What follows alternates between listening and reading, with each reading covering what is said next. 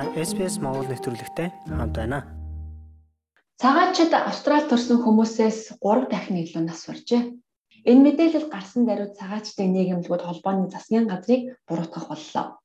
Австралийн статистикийн хорооноос өнгөрсөн оны 10 дугаар сард 2021 оны 7 дугаар сарын 31-ний байдлаар ковидтой холбоотой нас баралтын судалгаа гаргажээ. Үүнд 100 мянган хүнд оногдох нас баралт гадаад төрсэн хүмүүсийн хувьд 4.2, Австралид төрсэн хүмүүсийн хувьд 2 байжээ.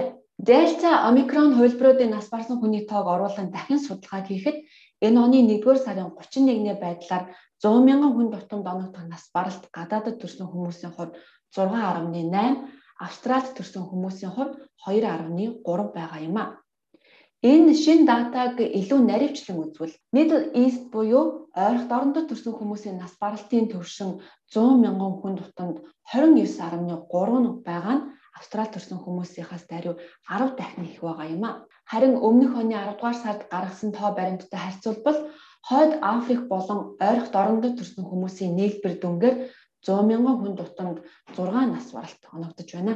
Тэгвэл өмнөд болон зүүн Европ төрсэн хүмүүсийн COVID-19 нас баралтын төвшин 100 мянган хүн тутамд оногдох нас баралтын 11 орчим байсан бол зүүн хойд Аз, Их Британи, Ирландд төрсэн хүмүүсийн нас баралтын төвшин Австралид төрсэн хүмүүсийнхтэй ойролцоо байгаа юм байна. Англиас өөр хэл дээрх тараасан эрүүл мэндийн мессежид орчуулгын алдаа гарсан хуучирсан мэдээлэлтэй байсан тухай баримтыг хөдөлмөрийн эрсдлийнхэн ашиглаж олон үндэстнүүдийн нийгэмлэгүүдийг дахин үл тоомсорлож байна гэж буруутгасан юм а. Австралиас өөр улсад төрсэн хүмүүсийн COVID-19-ийн нас баралтын түвшин бууруулахын тулд энэ засгийн газар юу ч хийгээгүй гэж сөрөг хүчний эрүүл мэнд олон соёлын асуудал хариуцсан төлөөлөгч Клэр Онил Эндрюс Гилс нар мэдгдсэн байна. Энэ тахлын туршид засгийн газар хэл соёлын ялгаатай олон үндэсний нийгмийн бүлгүүдийн хэрэгцээг анхаарлынхаа гадуур орхисон гэж тэд мэдгдлээ.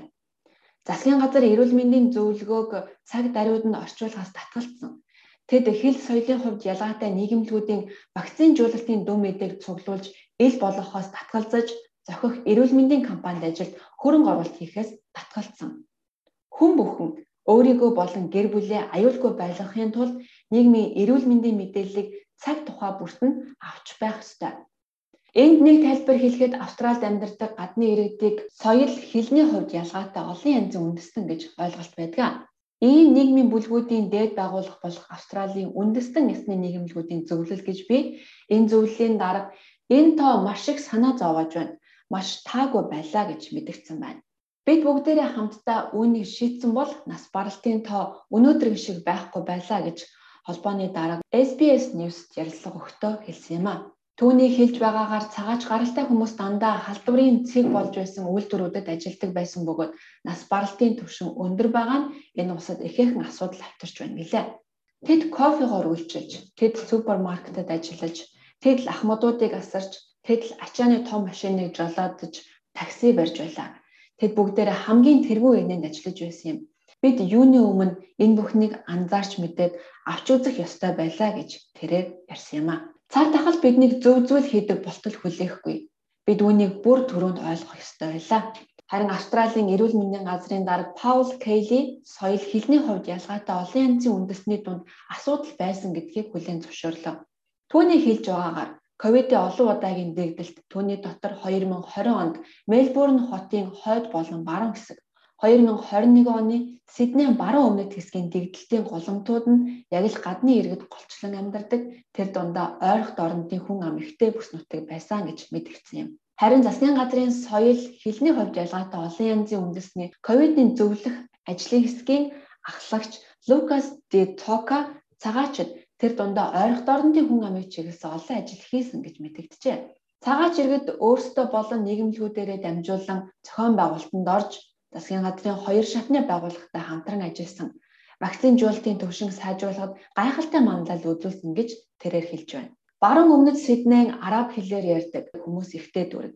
Энэ газар гэхэд өнгөрсөн оны 7, 8, 9 дугаар саруудад зэнда маш сайн хамрагдсан бүс нутаг гэдгээрээ сайн жишээ болдог. Тэгээд засгийн газрын дэмжлэгтэйгээр газар дээр нь иргэд олон ажил хийсэн гэж тэрээр нэмж хэлжээ. Харин Австралийн олон үндэстэн ясны нийгэмлэгүүдийн зөвлөлийн дарга илүү их зүйлийг эрт хийх ёстой байсан гэж мэдэгдэж байна.